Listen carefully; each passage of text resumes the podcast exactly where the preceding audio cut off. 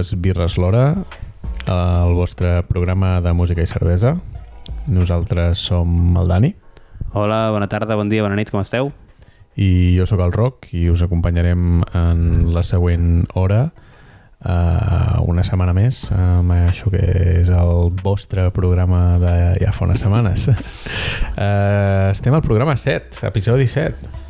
Edició 7, edició dedicada als més eh, nerds de la casa, a la gent eh, que amb molt de carinyo més rareta, eh, dedicada als col·leccionistes. Col·leccionistes, avui un tema que ens agrada. Uh, perfecte, perfecte. Uh, recordem les coses essencials abans de començar? Yes, sir. Uh, primer de tot, uh, saber que us recordem això, recordem, recordem, que que, com sempre, de cada episodi de tota la música que, que parlem en cada episodi, al final en farem un mix que trobareu al nostre canal de Mixcloud. Que es diu Dues Birres. Uh, això. I això, i que ens podeu seguir a xarxes a arroba dues birres i escriure'ns per mail si teniu ganes de col·laborar, col·laborar amb nosaltres, idees, el que faci falta. Exacte. Eh, el mail és eh, duesbirres arroba gmail.com Exacte. Vale, perfecte. Doncs eh, et sembla bé que omplim gots? Anem al torró, sí. Vinga, run it.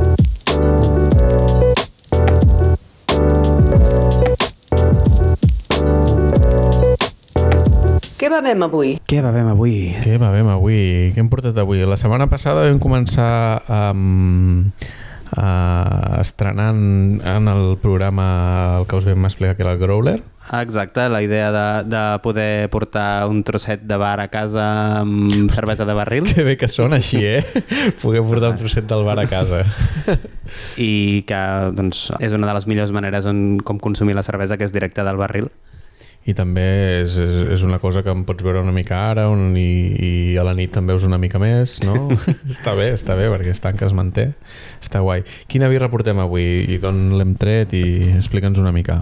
Doncs avui portem uh, una, cervesa, una cervesa que és d'una cerveseria que ja que vam portar, no recordo quin episodi, una cerveseria alemanya que es diu Mars Brau.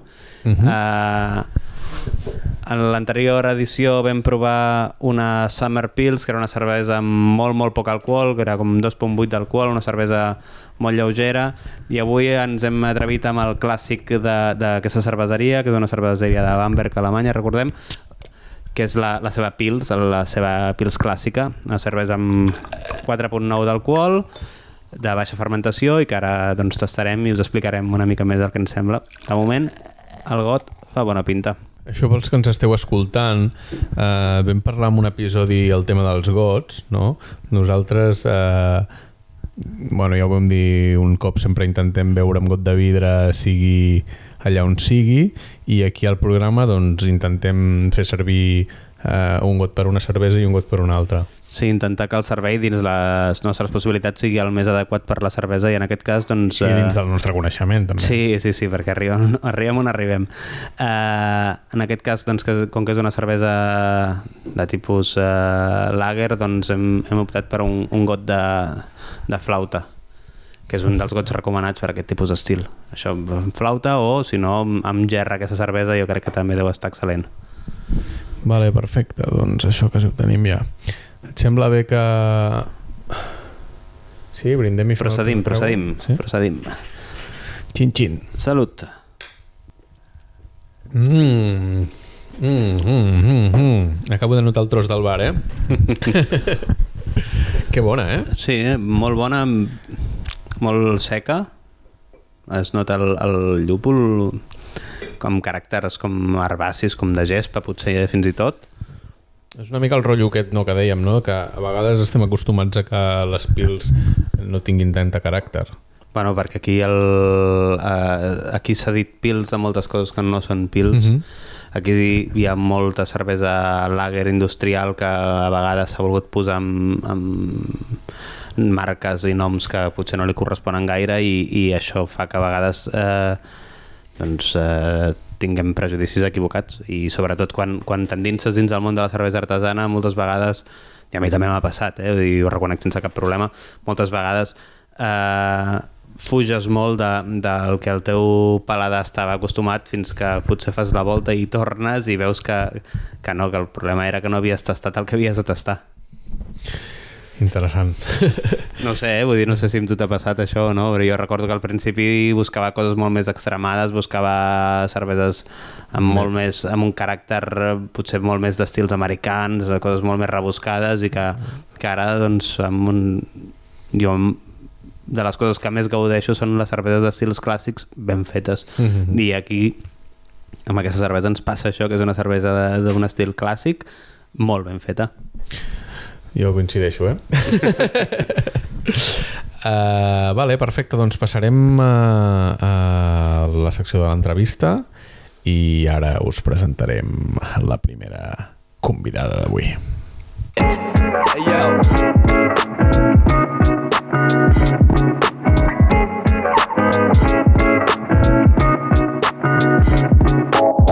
L'entrevista. I és l'entrevista. Doncs la primera convidada d'avui és uh, la que fa referència a les, la col·lecció de música. Molt bé, sempre com, com esteu acostumats ja, perquè ja estem a l'episodi 7, ja els que ens seguiu des del principi parlem o intentem parlar amb una persona del món de la música i amb una del món de la cervesa, doncs en aquest cas tenim una representant del món de la música que ens parlarà de la seva col·lecció. Exacte. Ella és la Mar, de nom artístic Mar Label, eh, que, bueno, no us explico gaire perquè la primera pregunta que li hem fet és que ens expliqui qui és i una mica eh, com va entrar en el món aquest de col·leccionar i ella eh, es dedica sobretot al tema del Northern Soul i del Soul que ens expliqui una mica qui és i com va començar aquesta aventura aviam què ens explica Doncs, hola a tothom. El meu nom és Mar, Mar Label, de mal nom.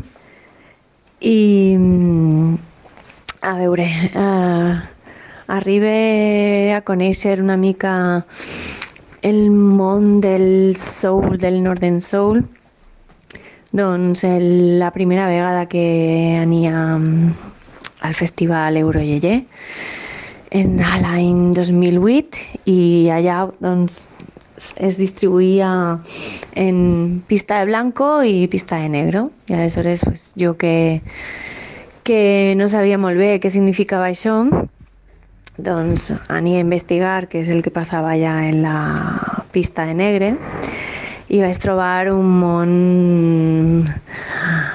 fantàstic, amb un ambient eh, recollidet, perquè era com una sala més xicoteta, molt ben il·luminada, ben decorada, amb el DJ pues, ficat allà al fons de, de la sala i amb un personal que estava vestit doncs, elegantíssimament amb vestits, eh, tratges, sabates de ball, perquè clar, és important, no? Per, per ballar soul, northern soul, és important portar un bon calçat, perquè si no és, és, és impossible, acabes, acabes mal, acabes mal. I aleshores, en aquell moment vaig pensar, ostres, això m'encanta, perquè jo tinc un problema, que és que no sabria dir-te quin estil de música és el que m'agrada més, perquè a mi el que m'agrada són les cançons i aleshores quan una cançó t'arriba doncs doncs t'arriba i l'estil crec que ve després. Però allà una cançó rere altra i era com de, ostres, i començaves a manejar-te, jo mirava què feien els demés, no? com, com es movien, quins passos feien i en plan, doncs vaig imitar. I em vaig donar compte que se'm donava bé, que me sentia com molt lliure, no?, ballant aquella música i, i m'encantava. Després ja, una vegada passat això i passat el temps, doncs vaig conèixer el meu amic eh, Alfred, el Capità Swing, i a ell li, li encantava, li encanta el soul, el northern soul, i a partir d'ahí, doncs, doncs van començar, me va començar a, pues això, en sa casa a ensenyar discos, a punxar-me discos allà a la saleta que tenia eh, amb, amb els plats i amb les taules de surf i de més i, i ja vas dir, ostres, pues això m'agrada i vaig començar a, a comprar discos de, de soul i, de Northern Soul perquè fins ara pues, havia i dic comprar perquè jo no crec que siga col·leccionista perquè jo compré cançons o discos que m'agraden i aleshores si una cançó no m'agrada pues no la compraré per acabar-me la col·lecció mira, jo sóc així.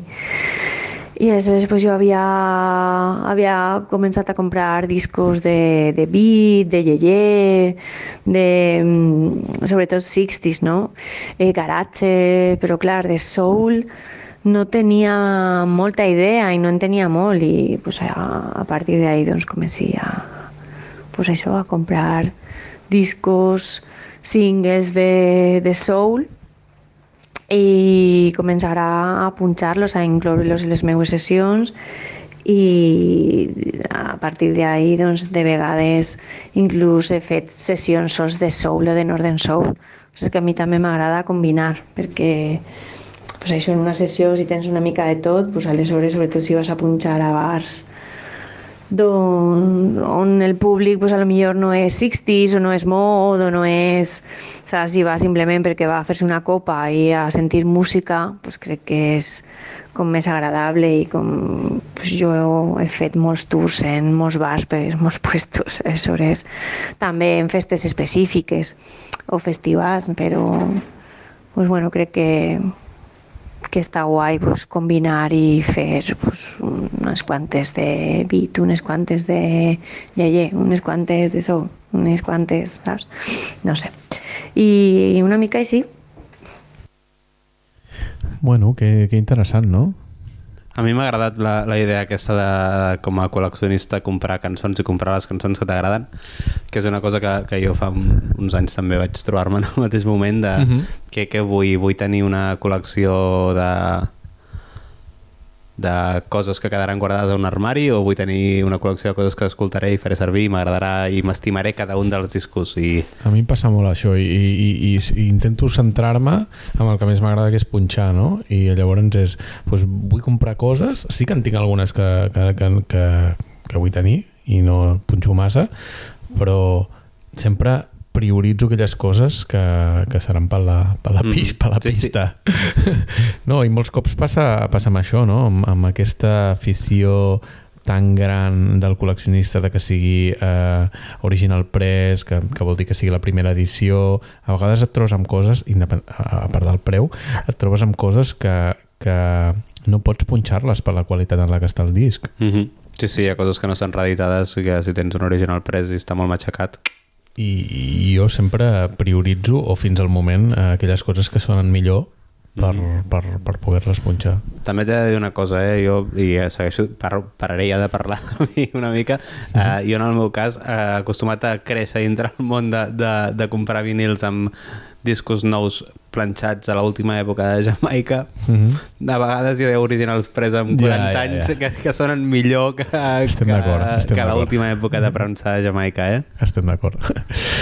Val, perfecte, doncs passem a la següent pregunta que li hem fet a la Mar, que és eh, digue'ns un segell o artista que no falli mai. Aviam què ens explica la Mar. Un segell que mai no falla és Motown, o amb la Motown no falla mai, perquè a veure què podeu dir Temptations, Marvin Gaye, Supremes, Martin de Vandellas, Four Tops, Tammy Terrell, o sigui, és que allà on fiques l'agulla eh, és, és triomf, és vida pura, és alegria, és meravella.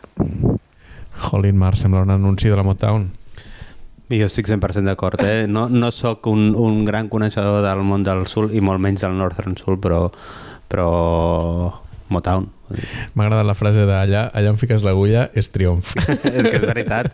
I quan vas amb rastros, eh, als encants, on sigui, jo compro Motown, si el disc està bé, a cegues sempre. I després Sí, sí. mm, serà una cosa que aprofitarem més o menys per punxar, però mai serà una cosa dolenta, o gairebé mai. Garantia. vale, passem a la tercera pregunta que li hem fet a la Mar, que és un disc del que no et desprendries mai i un disc pel que faries una bogeria. Aviam què ens explica. Mira, he arribat a fer autèntiques botxeries per, per comprar un disc. Ja no parlem de, dels diners, val? que també. Però he arribat a perdre un tren de Barcelona a València eh, per estar pendent d'una puja en eBay. O sigui, imagina't, si això no és estar, no és estar botxa, no sé si és botxa o, o, o, o palla, no sé, o pava. Cosa que crec que ara no em passaria. Vull dir, està aquella persona, t'estic parlant millor de l'any 2009, pues queda, queda molt no? Te diria que millor no és ni la mateixa persona. Encara que si trobara el, el Get Down Saturday Night de Oliver Chitman, que és un tema ral de, de funky disco amb moltíssima classe, un, un ritme brutal. Doncs mira, no sé què, què, no sé què faria, eh? perquè fa com un parell d'anys el vaig trobar a un preu d'uns 135 euros crec que era i vaig tindre la prudència de dir no, mira, no, no, no i no passa res, ja el trobaré clar, han passat, ha passat el temps i no el tornat a trobar i és com de ah, si en aquell moment no haguera fet ara el tindria però bueno, una cosa que millor fa un temps saps? Ara pues, és com de, bueno, hi serà, ja hi serà, no passa res, s'han de, s'ha de tindre paciència. Després un disc del qual no em desfaria mai és un single de Los Gritos, no té res en la música negra, és el Veo Visiones, en la cara A i en la cara B reiremos, soñaremos, que és un, una cançó que em, em toca molt molt, amb, un, amb un component molt sentimental per mi i no em desprendria mai d'aquesta aquest, peça. No, no ho faria. Mira, jo eh, ara seguirem comentant el que diu la mare, però és que em sento super identificat i li vull preguntar al Roc. Mm -hmm. eh, Roc, què has fet tu per un disc? Què he fet jo per un disc? Uh... anar-me'n al lavabo mentre estava treballant per comprar-ho al mòbil mm. uh, gastar-me molts diners també amb pocs però amb alguns m'he gastat molts diners i segur que he fet més coses eh? però ara, ara no em ve el cap tu què has fet? Perquè si m'ho si preguntes és que ja no, m'hauries d'explicar alguna cosa. Ella explicava això de l'eBay, eBay és, és molt traïdor, eBay abans era un molt meravellós, ara s'ha convertit en, en una missió impossible, però jo eh, he fet, he fet, he fet caminar la meva parella una hora perduts eh, per Osaka per trobar una botiga que sabia que trobaria ho he fet i la pobra ho ha passat i i el mateix viatge a Tòquio mmm, va haver un moment que quan li vaig veure la cara eh, li vaig dir Marta eh, ves, ves a fer un tom i, i em reculls d'aquí dues hores. I ella em va dir, per dues hores justes eh, que, que és, era el dia que tornàvem cap a Barcelona. Eh, que, que si no la, el tren cap a l'avió? Dic, sí, sí, dues hores, dues hores. I això, sí, allà vam passar doncs en aquella botiga. Això, això, tres hores i mitja, quatre hores. Això que expliques m'ha passat mm, més de dos cops d'estar de viatge amb algú i, i preguntar per botigues de discos anar a comprar i al cap d'un rato dir-li mm, Ves a, ves a un tom. No, clar. El veus allà que va com remenant l'altra persona que no li molen els discos i va remenant les cubetes i dient, quan porta 20 minuts, diu, bueno, tampoc compraré res, no? I clar, jo vaig... tot flipat. I en aquest viatge en concret que explicava vaig cometre l'error de deixar-me... De... No, no és que cometés jo l'error, sinó és que eren vacances de Nadal al Japó eh, de les poques vegades a l'any que hi ha eh, vacances és eh, al voltant de Nadal cap d'any i la botiga només estava oberta eh, quan jo estava allà aquest dia precisament i llavors em va quedar com la última i entre que t'has guardat uns diners per anar a aquella botiga i que és la millor botiga de discs a la qual he estat a la meva vida i que a més a més hi havia uns preus que ni jo em podia creure no de cars, no, de barats va ser com no, no, no, no, o sigui, estic aquí al paradís, ara no me'n puc, ara no vull tornar a Vilanova. Uh -huh. I sí, sí, jo crec que les 3 hores llargues les vam fer allà en aquella botiga. Que guai. Sí, sí, sí. Bueno, em venen més coses, eh? De fer un viatge només per comprar discs a Anglaterra. Mm. de, amb una ruta, no? I anar a diverses... I, i a Jamaica em va passar també d'anar a una botiga expressament i la, pers- a Jamaica, que tot va una mica a ritme jamaicà, la persona de la botiga no hi era, per sort tenia el seu telèfon i li vaig escriure i em va dir no hi soc però però jo li vaig dir si vols torno demà i li vaig preguntar a quina hora obria i em va dir digue'm a quina hora vindràs cobro per tu sí, sí, anar-hi directament Vale, passem a l'última pregunta que li hem fet a la Mar, eh, que és la pregunta que eh, estem preguntant a tothom al final, que és, Mar, recomana'ns un maridatge cervesa a disc. Aviam què ens expliques. Ara aneu a matar-me, perquè direu, això no és cervesa, però per què no? Una Desperado ben fresqueta i el Nevermind de Bollocks de Sex Pistols, que em digueu? Jo crec que sí, jo dic sí, sí, sí, sí.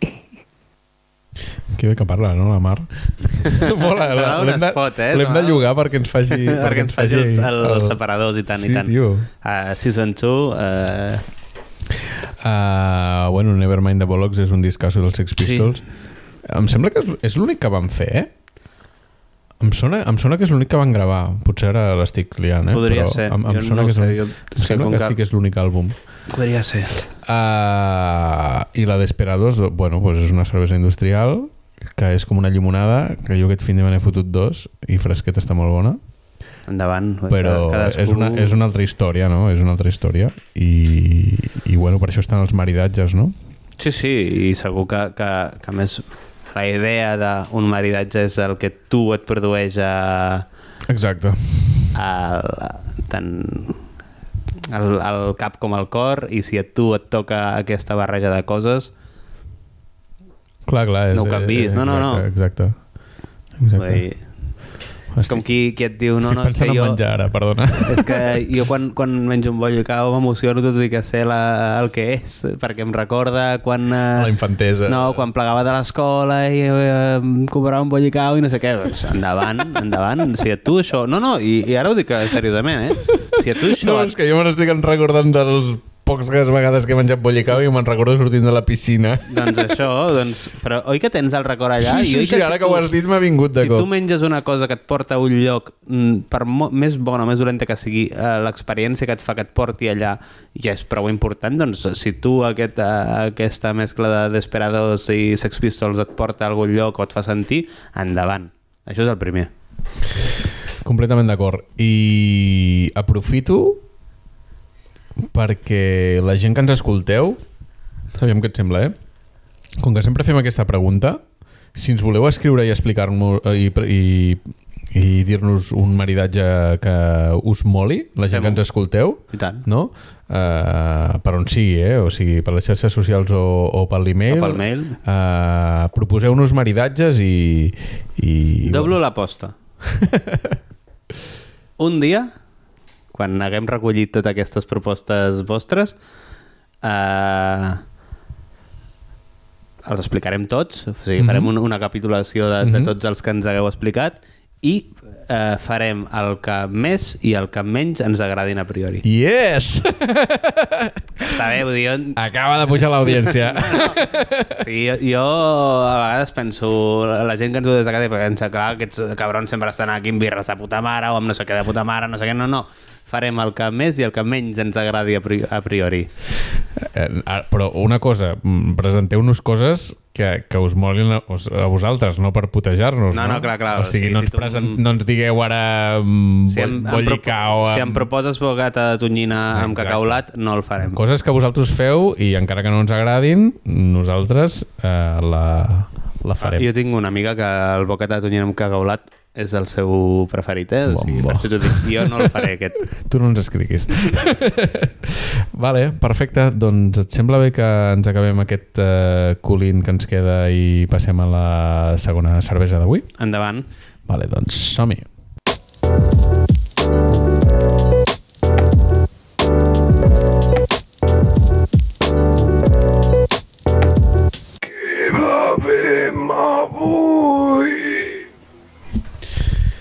Yes, què bevem avui?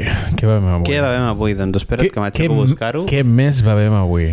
Uh, avui veurem una cosa belga, però no d'un estil belga, però sí d'una cerveseria belga, Uh -huh. que és d'una cerveseria que, que a mi personalment m'agrada molt, que es diu La Huls, i és una session IPA passada pels sedars de Bèlgica, que es diu Holy Hop Circus, i que, aviam què, Ben Avui m'agrada especialment provar aquesta cervesa perquè com que ens ha arribat eh, feedback de que volen hi ha uns, uns fans oients que volen que tastem més coses eh, angleses i americanes, doncs Mhm. jo em reafirmo que hem de seguir tastant coses belgues. I arribarem, eh, tastar coses americanes i belgues. És que veig la cara que fa el Roc que no té el micro a la mà, Eh, perdó. que em vol assassinar, però hi arribarem a tastar coses americanes i angleses, però jo penso que, que, que Bèlgica va molt més enllà de les cerveses eh, de Badia o de les triples o d'aquestes coses que, que són potser més conegudes pel gran públic i que ara mateix eh, hi ha gent que té un bagatge cerveser molt, molt gran fent coses fora del tradicional molt, molt ben fetes. A banda de que Bèlgica té una tradició cervesera que no té res a envejar a l'anglesa. Per uns altres, com es diu això en castellà, uns altres derroteros, però que, que se'ls ha de respectar i molt. Bueno, doncs ho provarem. Aviam què tal. Les cerveses d'avui també les hem comprat al Cinglot, Ah, sí. Que... Que aviam si, si aconseguim fer-li la falca cada dia que s'estiri. No, no, ara seriosament. El Cinglot és l'associació de cervesa que tenim aquí a Vilanova, que és un dels grans difusors del món de la cervesa artesana especialment a la nostra zona, un gran catalitzador de, de coses que han passat després. Jo crec que hi ha molta gent que està fent cervesa al voltant de, de, de la zona del Garraf Penedès que si no fos pel Cinglot no s'hagués animat a tirar endavant i, i a ser un apassionat de la cervesa Agri. i que a mi no em fa res dir-ho, eh? vull dir que a part que sigui el nostre amic eh, per mi és una referència i de moment segueix sent una referència Fa, fa una olor que flipes, eh, Dani? Uh, ja ho veuràs. estic ensumant, eh? No sé, és com super fruity, no? Sí, eh, fruita cítrics inclús, no? Fa com olor fresca. Existeix això? L'olor pot ser fresca? L'olor pot ser fresca, això el, el dia que, que entrevistem el Guille la Porta li preguntarem. Vale. vale, esperem una mica que baixi l'es- l'escuma i mentre baixa, si vols, presentem eh, el següent convidat. Et sembla bé? Uh, sí, sí, sí, tant. Vale, doncs passem a la segona entrevista.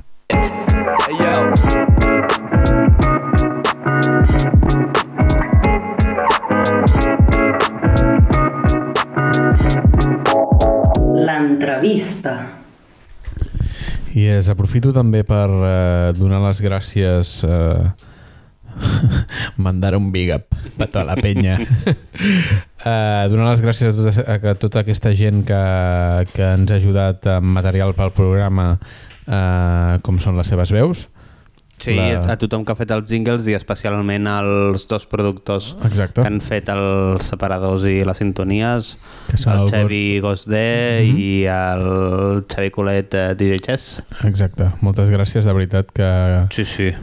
que estan quedant així els programes gràcies a vosaltres. Uh, I això, sense més dilació, passem a presentar el segon convidat d'avui. És el, el que hem uh, volgut preguntar-li coses sobre les col·leccions en el, en el que és el món de la cervesa. És una persona que col·lecciona moltes coses i, a més a més, és una persona uh, que hem conegut a través de l'associació Singlot. Sí, sí, sí, un, un dels old-timers del Cinglot, un dels sempre presents allà. Original, Un gran tio, molt, molt bon tio, però que això que té aquestes coses de que quan li agafa per una cosa guarda i compra i guarda i compra i Exacte. amb la cervesa no podia ser menys. Uh, ell és uh, el Toni, és el Toni Cano, uh, i li hem fet unes quantes preguntes i, i res, aviam què, què ens explica. La primera pregunta que li hem fet és qui és Toni Cano i com s'introdueix en el món de la cervesa artesana? Aviam, Toni, què ens expliques? Qui és el Toni Cano? Doncs el Toni Cano és un amant de la cervesa artesana, un soci col·laborador de l'associació Cinglot de Vilanova i Geltrú.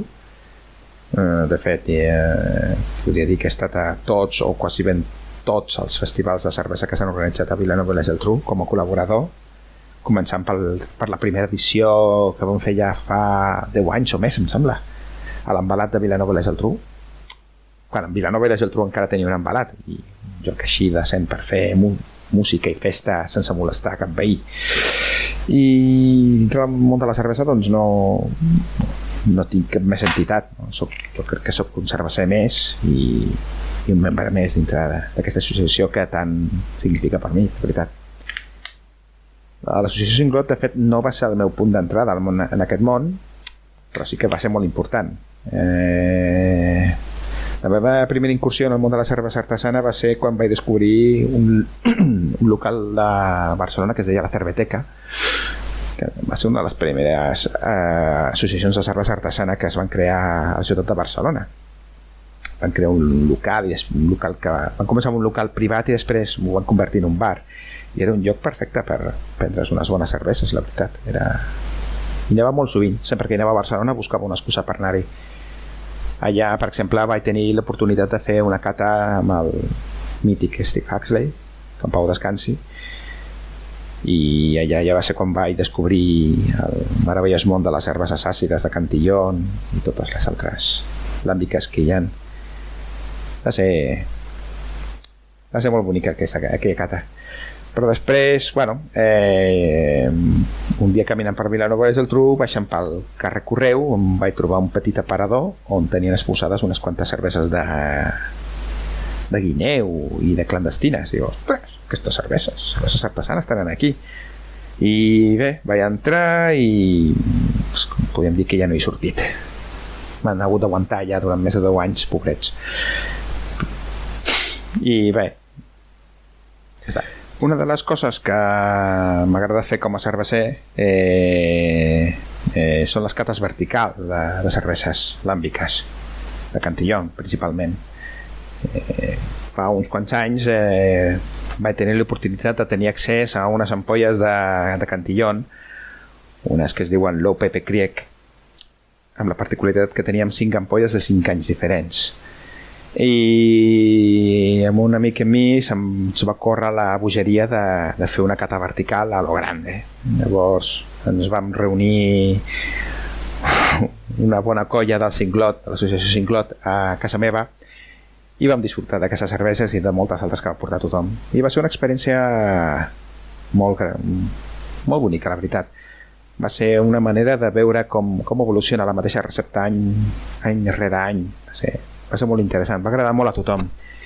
I, i aquesta i aquesta i aquest fet doncs va portar que volgués tornar-ho a repetir. I per repetir-ho doncs has de comprar i guardar i per això doncs a casa ara tinc un petit celler molt petit de cerveses eh, de Cantillon, làmbiques per intentar muntar una altra vegada un, una cata d'aquestes verticals I serem, i serem. Eh, no fallarem. Tu, tu no et vas perdre la primera, No, eh? jo, jo he estat amb, alguna, amb, un d'aquests amb algun d'aquests saraus que hem fet alguna vegada que el Toni anomena cates verticals i no, no tenia consciència de que es digués així i realment que sí, que està molt bé tastar la mateixa cervesa de molts anys i pots apreciar fins a cert punts matisos si ets un, tens una boca tan poc eh, ducta com la meva, eh? però, però el que sobretot és divertit és eh, estar allà amb colla mm, fent el manso, saps? O sigui, Sí, sí, això és el que és divertit. I no, no, jo d'aquests dinars en, en tinc super bon record. El, el Toni és un anfitrió genial, Totalment d'acord. és una persona que, que té un cor que no li cap al pit i que, que tot el que té t'ho dona i t'ho deixa i que eh, està amb ella a casa seva amb, amb això mm, rascant al fons del seu celler buscant coses és divertidíssim. Pues res, Toni, des d'aquí... Eh, Això que, que, ens guardi, cadira. que ens guardi plaça exacta, Exacte. a la següent. Vale, la següent pregunta que li hem fet amb el Toni és què guardes al teu taller? Al teu taller, dic, al teu celler. què guardes al Això, teu això, celler, què, Toni? què estàs preparant? Què, Explica'ns, què, explica'ns. per on vas? que guardo en aquest celler? Doncs ara mateix estic tornant a intentar de reunir, com m'ho he dit abans, eh, eh, cinc ampolles de l'UPP Kriek. Però darrerament el món de les làmbiques, sobretot de, de, les, de les Cantillon, es tornant un món molt inaccessible, difícil d'accedir. Eh, les l'UPP Kriek no sabem per què, són cerveses que ara mateix són molt difícils d'aconseguir. Eh, ho he intentat, però no tots els anys ho estic aconseguint. I mira que estic intentant movent cables de persones que tenen tracte directe amb els nois de Cantillon, però no ha estat possible. Per començar, eh, ho he intentat, he intentat aconseguir cerveses de l'UPP Cric i tan sols en 4 anys n'he aconseguit una, que és la del darrer any, i la resta són tres cerveses de l'UPP Framboise, l'altra varietat que hi ha, que deuen ser de fa 5, 4 i 3 anys fa dos anys, per exemple, no vaig aconseguir cap l'OPP, va ser, ser impossible. Es veu que hi ha molta demanda i hi ha gent que és més espavilada que jo per aconseguir-les. Després també al meu celler intento guardar sempre eh, les cerveses que compro any rere any al Swansea Festival que es fa a Ells Agullons, a Sant Joan de Mediona, que és, un, és el lloc ideal per aconseguir algunes varietats de rares com, com són les Pepe i, i de vegades també intento sí, agafar cerveses més comunes com poden ser la Geus o l'Alambic Bio o la Rosé de Gambrinus que són cerveses molt més accessibles. I sempre m'ha agradat tenir-ne dos o tres cerveses d'anys diferents i, i, fer, i fer la comparativa. Posar-les en un porró, mirar el color i tastar-les i veure l'evolució del sabor d'aquesta mateixa cervesa any rere any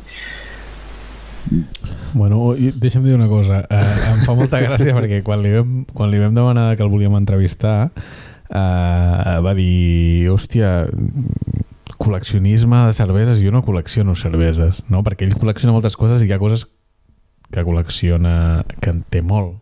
No? no, però jo crec que, que refereix a un concepte que, que abans eh, estava... he anat a buscar la cervesa per veure avui el cinglot Sí. i m'he trobat el Bau, després m'he trobat el Toni, però amb el Toni quasi no he parlat, però amb el Bau sí que he xerrat una estona i l'he explicat el que anàvem a gravar avui Sí? i em diu, clar, però el Toni té una col·lecció efímera. I aquest concepte és que li porto, puta. li porto donant toms al, al cap des de llavors i em sembla genial. La idea de- d'una cosa tan, tan de voler perdurar com és uh, una col·lecció amb Clar. que després tu mateix la destrueixes bevent-te-la em sembla fantàstica. O sigui, endavant, endavant amb la... És un bucle, és un, fu- és un forat negre. No, no, però, però em sembla genial, o sigui, Sí, clar sí, que sí, sí, sí, sí, sí. una col·lecció efímera i que a més, que, que siguis una persona com el Toni supergenerós, que la vulguis, Clar, a més, clar, quan, clar. quan la destrueixes tu mateix, la vulguis destruir amb altra gent. Em sembla genial. No, perquè sí que realment en el món del col·leccionisme de vins hi ha, hi ha gent que fa autèntiques bogeries, però jo m'imagino aquell senyor que ha pagat eh, 10.000 euros per una ampolla de vi bevent-se'l allà glopet a glopet ell sol a casa tancat, amagat, perquè ningú li prengui, en canvi el Toni és tot el contrari, no? O sigui, eh, que quan ell vol fer una, una com ell li anomena, cata vertical, com amb més gent la pugui compartir, millor. Mhm. Escolta'm una cosa, abans de que seguim. Sí, jo, jo Eh. tinc, tinc aquí tot de deures apuntats, eh? Digues, Vale, digues. jo, jo, jo, jo només dir un parell de coses. Hem anat eh, una mica a saco. Sí. Eh, segurament hi ha gent que ens escolta que no sap el que són les cerveses àcides. Ah, sí, no, no va explicar una mica... I després parlar una mica del Swansea. Sí, no, jo volia explicar aquestes dues coses. Primer, eh, explicar que, que hem tastat eh, la cervesa mentre estàvem escoltant el Toni, perquè és que convidava molt a tastar. Sí, sí, sí. Eh, Està que flipes. boníssima, Molt boníssima. bona. Eh, has, dit, has dit el nom, no? El Sí, es diu uh, Holly Hop Circus, Holly Hop de la Circus. Guls, és una cervesa belga. Està molt Eh, bona. però, però que l'estil és això, és, és una inspiració, una inspiració d'un estil americà com és la Session IPA, o americà o anglès, depèn de qui t'ho expliqui, com és la Session Mm. IPA, però, però passat pel sedàs eh, belga, i es nota molt la, la impronta d'una cerveseria de tradició belga com, com són ells, i la barreja és rodona. Uh, cervesa làmbica. àcida. Cervesa làmbica Bueno, és- cervesa làmbica és només la cervesa que fa la gent de la regió on està permesa dir-li cervesa làmbica.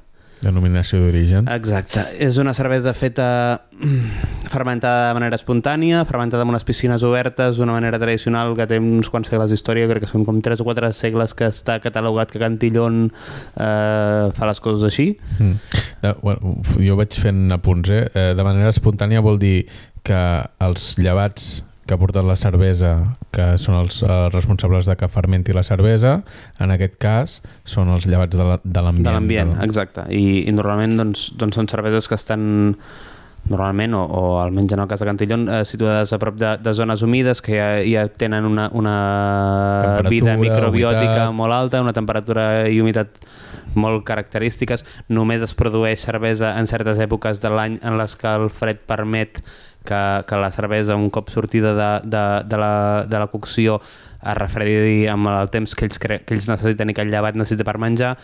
Eh, és tot un món per investigar que, que en el meu cas jo sé el que sé i, i no és gaire, però que us recomano moltíssim que si us crida l'atenció això d'una cervesa làmbica, mm, rasqueu una mica perquè hi ha moltíssim, moltíssim, moltíssim per saber que és un món preciós i que després eh, el Toni deia és que una l'UPP Cric ara és difícil d'aconseguir. Sí, és difícil d'aconseguir, però i lo difícil que és de fer aquesta cervesa quan Sí, sí, sí. t'expliquen la primera vegada com, com es fa aquesta cervesa i, i ara no recordo tot el, els processos que hi ha, eh? però els anys que triga en que aquesta cervesa passi des de la cocció fins que tu te la puguis veure Bueno, ell, ell, ell parlava sobretot eh, del tema aquest, del tema de, de la demanda que ha pujat i que han pujat els preus, no? I que... Sí, sí, està clar. Això és, pensem que és un estil tradicional, que és un estil que fa uns 40-50 anys estava a punt de morir perquè les poques que quedaven no els sortien els números uh -huh. i que en els últims 15 anys doncs, això ha fet un, un creixement exponencial.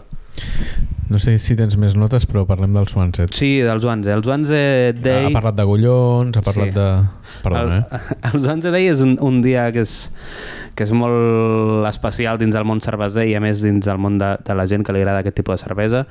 Ja us, us dic ara, eh? si algun dia tasteu aquest tipus de cervesa, és una cervesa que no té res a veure, té molt poc a veure amb, amb, amb les dues famílies que sempre hem parlat aquí, que són la d'alta i la de baixa fermentació.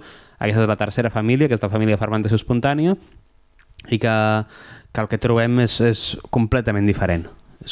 I a més, pot ser molt diferent d'una a una altra. És a dir, pot ser molt diferent una cervesa espontània feta a, a, a Bèlgica com és Cantillon, amb una cervesa espontània feta a Catalunya com és Agullons, perquè el caràcter d'aquesta cervesa ens el marcarà el llevat de cada lloc i no tenen res a veure. Uh -huh. Llavors, eh, és un món, és un món, i, i al principi, inclús per la gent més cervesera, quan, quan no ha provat una cosa així, o per la gent que ha begut més cervesa, perdó, eh, no ha provat una cosa així, la, la tasta a vegades, eh, a vegades no entra. I a vegades hi ha gent que hi entra de cop, i a vegades hi ha gent que hi entra a la segona o a la tercera, això va, va com va. Però és el que us dic, eh? és, un, és un món. Llavors, eh, els Ones a Day, que dèiem amb el rock, els Ones a Day és eh, un dia a l'any en el qual eh, Cantillon, que és com la cervesa de gana d'aquest món làmbic, eh, ha elaborat una recepta per aquell dia, cada any diferent. Que Cantillon és, són, són les que estava parlant el, el sí, el Toni, de que, que ell, és, ell és, el, és molt fan de Cantillon. La Cantillon fabrica les cerveses aquestes que ens ha explicat el Toni abans. Eh, doncs els 11 Day és un dia que, que Cantillon ha elaborat una cervesa per aquell dia i només per aquell dia, cada any una cervesa diferent, única, irrepetible, i que la reparteix entre amics per tot el món. Uh -huh. I llavors, doncs, a una hora es, es uh, s'obre aquest barril a la mateixa hora a tots aquests llocs del món. És per, com, com, com perquè us ho imagineu, com si fos un cap d'any, Exacte. no? Que a diferents llocs del món sobre la mateixa hora una cervesa eh, que s'ha fet especialment per aquest dia Mm -hmm. i, i els afortunats que estan en el lloc eh, La poden tastar. La, la poden tastar. Sí. Jo he tingut la sort d'estar uns quants uh, d'aquests 11 days a, a Agullons i, i és una experiència divertidíssima perquè és això, és, eh, ho has descrit molt bé, eh? l'ambient aquest de, de cap sí, d'any sí, és de cap d'any. falta, falten tants minuts per Falta l'hora. això, eh? és, això és l'hora següent, no sé què. Uh -huh.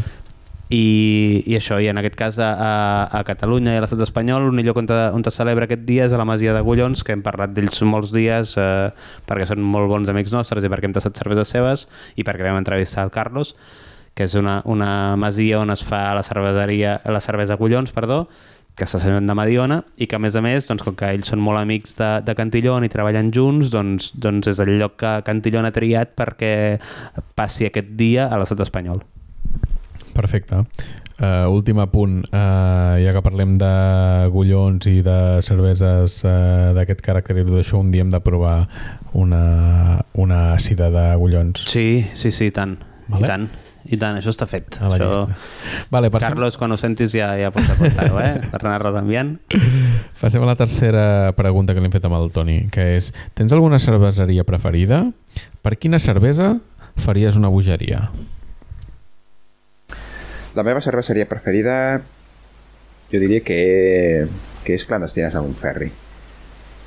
Sí, a veure, mm, a mi, per exemple, les cerveses molt llupolades i per, per general les Indian Pale no m'acaben d'agradar. A veure, mm, si em serveixen una, la bec, no sé cap problema, però no, no són la meva predile- predilecció.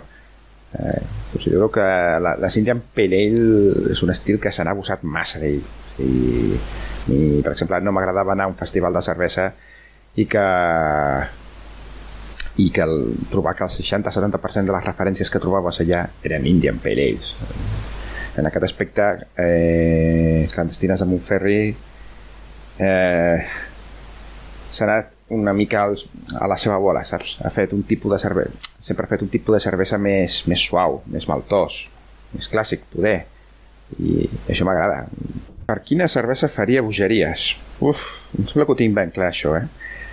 Eh, em sembla que va ser l'any 2017 al Sant Serei eh, la cervesa que va presentar Cantillon aquell any va ser una Lambic, una blended amb, amb té jo crec que és, uf, que cervesa era brutal era brutal Mm, l'acidesa del té es mesclava amb l'acidesa de la cervesa i allò era un espectacle jo per aquella cervesa faria bogeries Bueno, a mi el que m'agrada és que hauríem d'entrevistar el Miquel Àngel també. Miquel Àngel apuntat, sí, perquè més el Miquel Àngelo també és molt, molt, molt de música. El Miquel Àngel és el cerveser de, de les clandestines de Montferri. Montferri és un poble petitet que hi ha entre el Vendrell i Valls, perquè us situeu. Uh -huh. Poble xulíssim. I el Miquel Àngel té una fàbrica preciosa allà i fa unes cerveses collonudes. També us dic, potser coneixeu el Miquel Àngel per la seva India Pale Ale que deia el Toni, que no vol recomanar, que és la Gaianada, que és un, un clàssic mm, una cervesa boníssima, però sí, sí que és veritat que el Miquel Àngel toca altres coses, amb, amb la farigola, per exemple, amb la fresca, toca altres coses i les toca molt bé. I és un tio que en sap molt de cervesa i que a més eh, jo crec que sí que l'hem d'entrevistar perquè és un tio divertidíssim. Sí, Sí, sí, ara, queda que, perfecte. ara que... De fet, mira, avui que estem així de, de doble aposta, amb el Miquel Àngel anirem a, a, a fer l'entrevista casa Això, seva. és el que- és el que Anirem anava a dir, és A fer que- l'entrevista i endavant. I després anem a dinar. Exacte. Vale, perfecte. Passem a la quarta pregunta que li hem fet amb el Toni, que és, quina és la cervesa més curiosa que has tastat en els teus viatges? Un moment. El Toni és una persona que viatja molt. Sí, és molt viajero. I és molt viajero, a més, té, té molta predilecció per llocs que, que no estan gaire de moda, especialment eh, Europa de l'Est i companyia. És molt, molt soviètic, ell. I, I molts cops que hem estat al Cinglot ha portat coses sí, que... sempre porta coses i, I i tastem? tastat coses bastant curioses. Aviam què ens explica. En, a, en els meus viatges he de dir que he sortit una mica decebut amb el tema de la cerve cervesa artesana, de veritat. Eh, sobretot abans, fa, fa 10 anys o més, eh, sembla com si els països no volguessin fer cultura d'això o, o, o fer servir com, un, com una arma publicitària per, per treure més turistes. Eh, poso un exemple. Jo, l'única vegada que he anat a Bèlgica va ser l'any 2002-2003. Llavors jo no, no coneixia la, la cervesa artesana. Eh, jo el que bevia llavors era el que trobaves un supermercat a la secció d'importació, que bueno, pues, pues eren les Greenbergen, eren les Lindemans, eren les Lefe, cerveses que, bueno, que trobes al supermercat, cerveses comunes. La cervesa, la, la cervesa industrial belga, que li donava mil patades amb quasi tota la merda que es fa aquí. En industrial, és clar. I jo me recordo que quan vaig arribar a la Gran Plaça de Brussel·les, el primer que vaig fer va ser anar a l'oficina d'informació turística, demanar informació sobre unes quantes coses, i, després, i, els, i entre aquestes coses els vaig preguntar sobre el tema de cerve cerveseries. Si hi havia la possibilitat de visitar alguna fàbrica, algun petit cerveser... La resposta va ser res. Que anés a un petit museu que hi havia a la mateixa plaça i, i ja està. I no... Semblava que Cantillon no existia llavors. Clar, anys després te n'assabentes del, del que és Cantillon, t'estàs les seves cerveses, te n'enamores i dius, que collons em van dir en aquella oficina, que collons fan allà. I que és un exemple, no? Perquè darrerament sí que veig que a, ni, a, ni, a Europa de l'Est estan fotent molt les piles i, i ho veus perquè no sols a les grans ciutats sinó també a petites ciutats pots trobar moviment de, de, de homebrewers. Uh, a Rússia, per exemple, mm, fora de, Sant, fora de, Sant Petersburg, una ciutat que està a uns 50-60 quilòmetres, vam trobar un petit brew pub que, que ho vam flipar. Feien unes cerveses, unes, unes pils molt, molt, molt bones. Em vaig portar alguna al Cinglot i van agradar molt, la veritat. Jo estic d'acord amb això que diu el Toni, que a vegades vas a llocs i no saben vendre el que tenen. Jo recordo, jo vaig estar un temps d'Erasmus a, a Holanda, a la zona de Limburg, que és una zona que és bastant cervesera, és una uh -huh. zona que, que és una, una regió eh, que és una part Bèlgica, una part eh, Holanda i una part Alemanya i que té molta tradició cervesera i, i a la majoria de llocs de, de, de les ciutats és difícil trobar una bona cervesa. O sigui, Jupiler i Heineken eh, s'ho mengen tot, com uh -huh. ens passa aquí també amb, amb les Sí, sí, nostres sí. industrials. Eh? I jo, però, vaig tenir la sort de conèixer un senyor que tenia una botigueta de licors i cerveses i que aquest senyor em va guiar bastant i que de fet eh, ja va fer que, que jo entrés dins el món de la cervesa de debò, de la cervesa artesana i que el tornar cap aquí directament al Pas Fos Singlot i endavant. I d'aquí doncs d'això en fa 12 anys ja, o sigui... però que, Que que sí que, que a vegades eh, segons on vagis eh, o fas molt el fric per internet eh, o has de rascar bastant per Trobar. trobar has de trobar la persona Sí, adequada. sí, sí, trobar no? la persona que faci de- d'això, de, de, que et dongui la mà i t'acompanyi. Sí, sí, això... No sé, no sé si és que no, que no ho vulguin explicar o que potser no ho coneixen, no? També els llocs que vas a preguntar. O sigui, que tingui, No, molta, però- que tingui molta tradició no vol dir que estigui molt extès. No, no, jo crec que als llocs que hi ha tradició, que hi ha tradició cervesera, eh, tothom ho coneix, la cosa és que ho valorin. O que no agrada, o... No, és, la cosa és que ho valorin, és com passava amb el vi d'aquí fa 30 anys. Sí, sí. El vi d'aquí no es valorava i, i primer es va començar a valorar eh, que si el Riojas, que si els, eh, vull dir, aquest tipus de vins negres eh, que venien de d'això, de la zona de la, de la Rioja, i després, a poc a poc, es van anar valorant altres vins que... Mhm. Però els vins d'aquí, doncs, sempre en comparació amb els francesos, amb els comparació amb, amb no sé qui, no, no, és que això no... Sí, és veritat, eh? I, i hi ha hagut una feina i un treball per part de, dels viticultors i per part dels, dels sommeliers, per part de tota la indústria vitivinícola per posar-la on està avui en dia. Què, què, què, què, què, des, què destacaries? O sigui, si, si ara et ve una persona de, de Holanda a casa, què li diries que ha de provar sí o sí? Ja, ja no dic de Vilanova, eh? dic de Catalunya. De cervesa? De... No, no, de, de gastronomia. A Vilanova el peix. No, però dic, dic fora de Vilanova. no, no, o sigui... jo, en el cas de Vilanova, vull dir, Vilanova és un poble, però és que a Vilanova també passa això, eh? Sí, sí, que sí, Vilanova vivim a Vilanova i jo quan eh, estic al... al...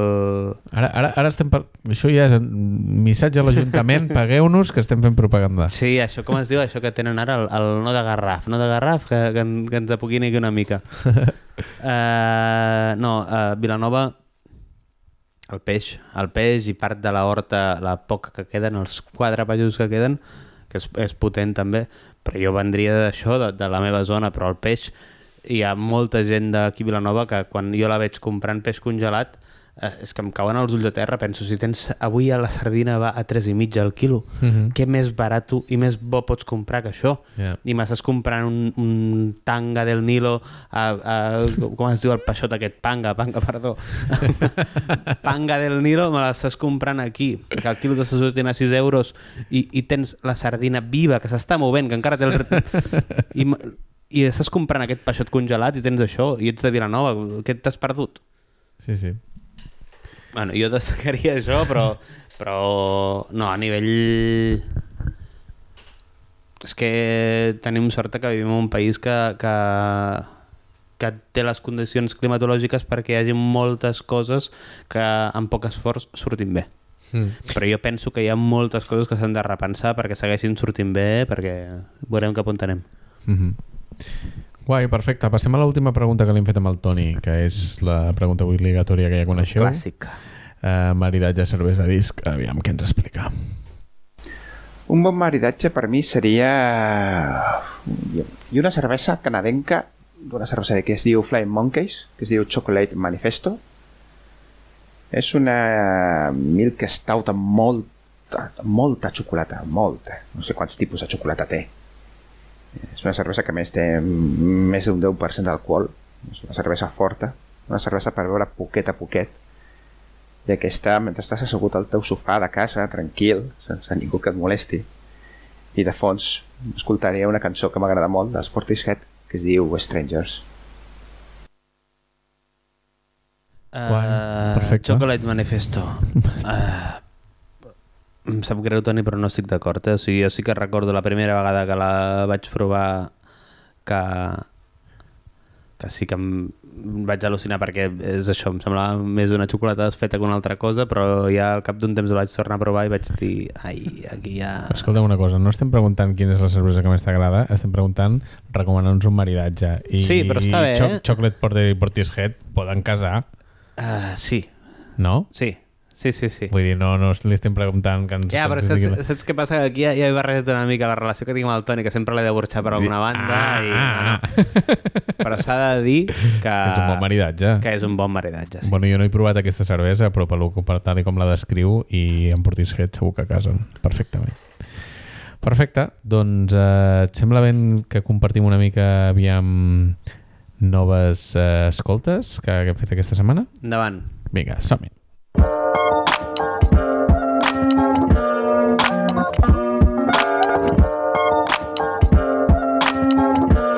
has escoltat aquesta setmana? All right. Què has escoltat? Què, què, què, què em portes, Dani? Eh, Jo, jo et porto tres coses, eh? Jo dues. Dues, I pues- dues, però jo crec que si... Una tercera la podríem treure, eh? però no, no, anem amb les dues que tenim segures que, que em sé, que m'he pres la lliçó i, i t'explicaré primer Digues, digues. que m'ha agradat molt un disc Uh -huh. que és de l'any passat, de 2020, que és d'un artista que ja gairebé tot el que fa m'agrada molt, però que avui, quan, quan buscava una mica més d'informació de, de què, què estava... Perquè a mi m'ha semblat un disc que, que, que l'artista, doncs, allà hi havia molta informació vital d'ell, molta trajectòria, moltes coses que ell volia explicar allà. I el primer, el, el primer que m'he topat és amb una crítica que, que deia que, que aquest disc és... Eh, aquest tio sap fer això molt ben fet, però és més de lo mismo. I què? I què? I què, noi? I què?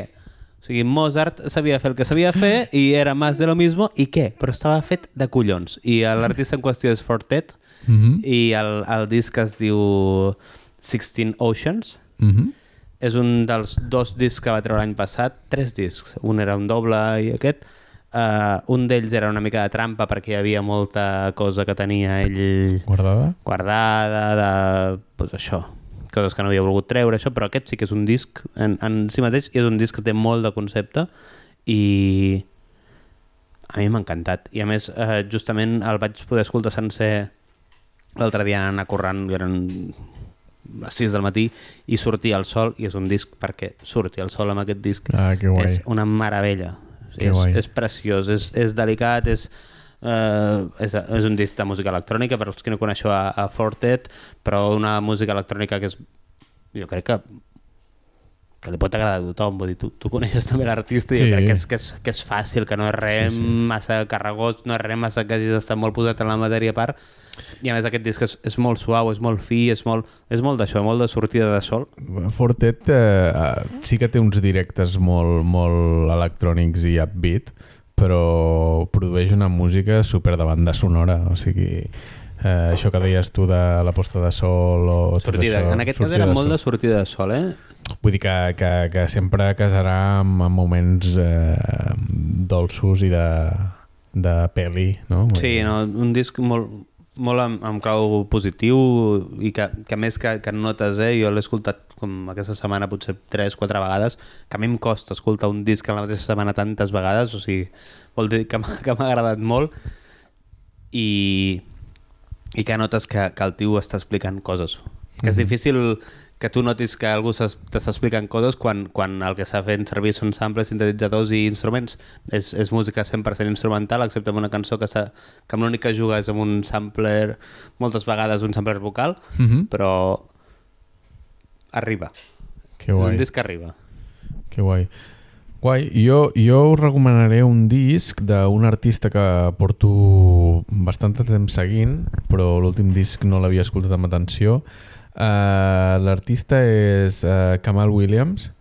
Kamal Williams és un uh, músic i productor i DJ i totes aquestes coses uh, anglès, tot i que té arrels uh, tant del nord de l'Àfrica com uh, japoneses. Uh, ell es diu Henry Wu i l'últim disc uh, que va treure el 2020 es diu Wu Hen uh, i és un artista super uh, que toca tot aquesta nova corrent de uh, UK Jazz no? i fa jazz, acid jazz i ho barreja molt amb el, amb el funky aleshores eh, bueno, jo, jo el vaig conèixer per un disco que es deia eh, Black, Ro Black Roses em sembla que es deia era amb el eh, Youssef Dice i el disco el firmaven com eh, Youssef eh, Kamal i això, ell toca el piano, el Youssef toca la bateria i el tio, a més a més, pues,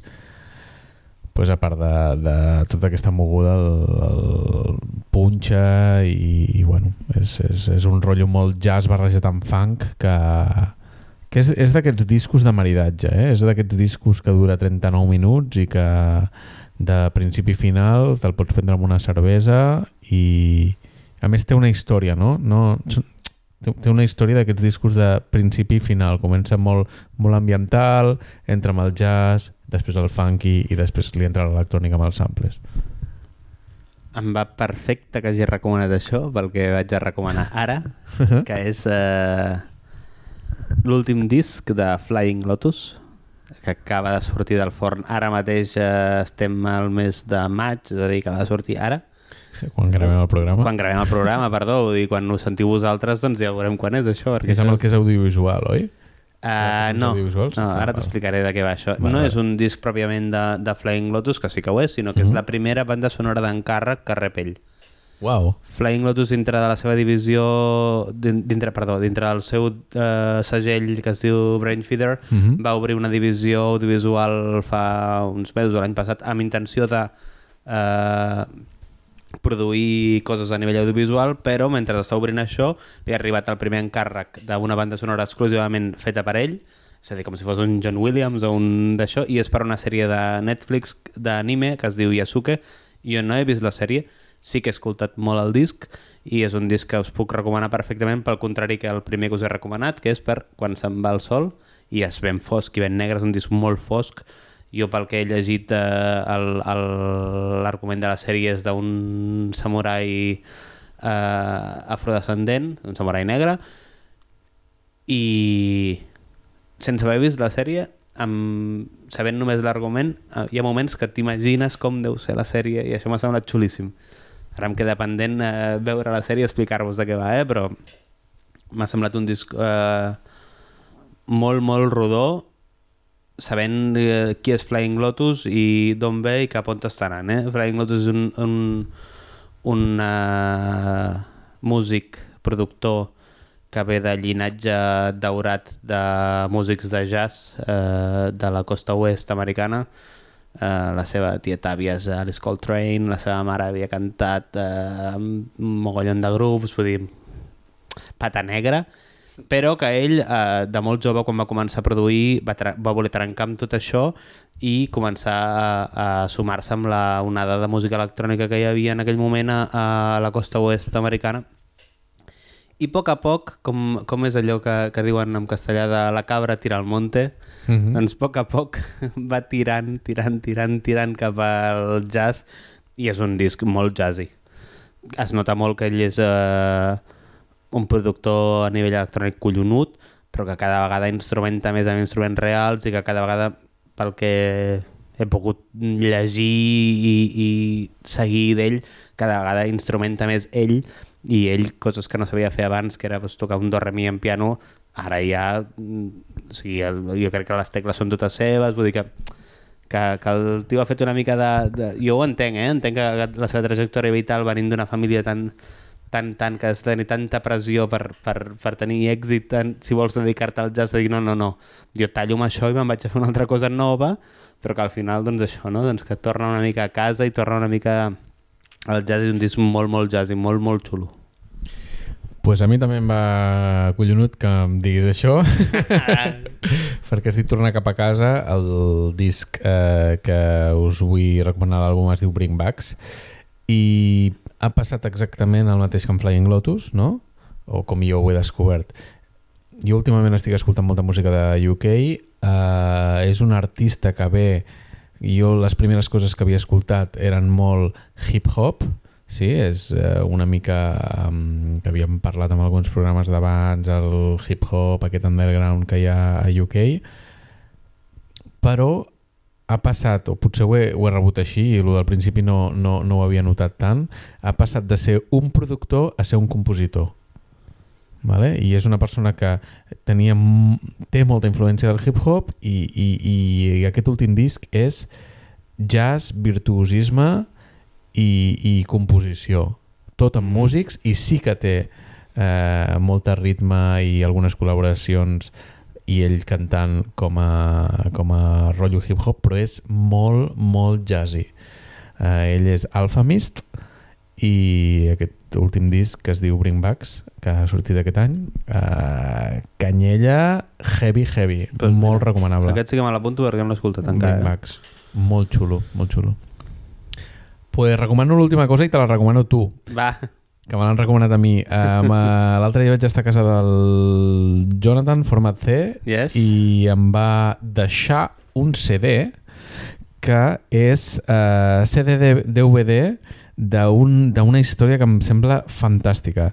Uh, he estat mirant el, el DVD jo. És una història que van muntar quan va morir Jay Dilla. Eh, Jay Dilla va morir el, el 2006. Vale, un, petit, un petit apunt eh, per qui no ho conegui. Sí. Jay Dilla per molts és considerat eh, el millor productor de la història del hip-hop, Mm -hmm. el millor beatmaker. Vull dir, I això dit pels propis eh, productors i, Sí, sí, sí, i, sí, i sí, beatmakers de, del món del hip-hop, eh? no, no és que ho digui jo com a pseudocrític, no, no, no, sinó que la pròpia gent que està dins i que, i que hi entén de debò et diu és que allò és una altra cosa, allò és un altre nivell, Mm -hmm. inclús vull dir, Madlib és, ell sempre s'ha considerat el seu deixeble Sí, sí, sí, sí, i sí. que ell sempre ha considerat eh, el que, la sort que va tenir de poder treballar amb ell i per això, vull dir, només això posar l'incís aquest de, de que sapiguem de la magnitud de, de la tragèdia que va suposar que Jay morir. Dilla morís eh, tan jove l'any 2006 Mhm. Bueno, això és com una mica el que dèiem, no? De, de... Això que explicaves del Flying Lotus, que ve d'una família de música i que passa a la producció i a l'electrònica i torna... Doncs em fa molta gràcia eh, aquest projecte perquè Jay Dilla el que feia era samplejar. Ell agafava eh, música que estava gravada per músics i la tallava i feia ritmes i, i, i li donava una altra vida, no? Doncs aquest projecte és músics d'orquestra tocant les cançons de Jay Dilla. No? És com tornar al principi i, i és fantàstic. O sigui, el concert es van fer tres concerts i, i surt la mare de Jay Dilla explicant moltes coses al mateix concert, col·laboracions de Tal- Talib Kweli, uh, Thundercat i bueno, molt, molt recomanable, una orquestra supergran. Uh, aquí la persona que ha fet tots els arranjaments es diu Miguel Atwood i una orquestra... Miguel Atwood té un, si no, uh. -huh. si no m'equivoco, eh? però té un, un disc en solitari de fa un parell de tres d'anys que és una meravella, eh? O sigui, t'ho dic. No, no, segur, Sí, eh? O sigui, re recomano el DVD i el, el vídeo perquè eh, veus tots els músics, secció de cordes, eh, bateria, vents, trombons, tot, tothom amb la seva partitura. O sigui, i fent una cosa que és tan poc quadrada com era eh, el ri els ritmes com que feia J. s'emplejava- Dilla. Sí, com s'emplejava ell, com, com ell sortia dels patrons Exacte. aquests de 8 o 16 o 4. Exacte, o sigui, I, i és feia com- tot amb, amb molt de swing, eh, bueno, Eh, Té, té, té, té molta, molta, molta, molta gràcia, la veritat. Molta gràcia. Recomanat. Ja està. l'escoltarem, l'escoltarem. Ja està. Uh, crec que ja està, no? Sí, Ens despedim. Programa 7, sí. Sí, comiat. També li hem fotut bastant de temps. Uh, no sé quan portem, però uh, era necessari. Esperem que ho aguanteu. Uh, Recordar-vos que... Ah, no, espera, abans de recordar res, hem de fer una mica de Mm. capitulació pel mix, que sempre prometem, i a vegades quasi ens deixem. Sí, la mare ens ha parlat dels Sex Pistols, Sí, de Motown... de Motown. Ens ha recomanat algun disc eh, més que haurem de tornar a escoltar, que era Sí. un single que tenia dos cares. Sí, Uh, sí, el Toni ens ha parlat de Portishead sí, i crec que ja està després el que hem parlat nosaltres. sí, el que hem parlat nosaltres que ha estat... que és uh, eh, Flying Lotus, Alpha Mist, uh, Fortet, Fortet. uh, Kamal Williams i J. Dilla. I... J.D. l'ha orquestrat, que això... Ja, man. Quedarà una cosa xula. jo crec. Sí, jo crec que aquí pot sortir alguna guai. Perfecte. Doncs pues ens escoltem d'aquí 15 dies o, o ens escolteu d'aquí 15 Sí, dies. recordeu que el mix el trobareu al, al nostre canal de Mixcloud, que ens podeu seguir a les xarxes a arroba dos birres, el mail és dosbirres arroba gmail.com i, I això... i digueu-nos coses, envieu-nos coses, digueu-nos coses, molesteu-nos, que ens agrada. Sí, expliqueu-nos algun xiste, el que vulgueu. I recordeu, uh, beveu una birra, escolteu bona música I salut. I salut.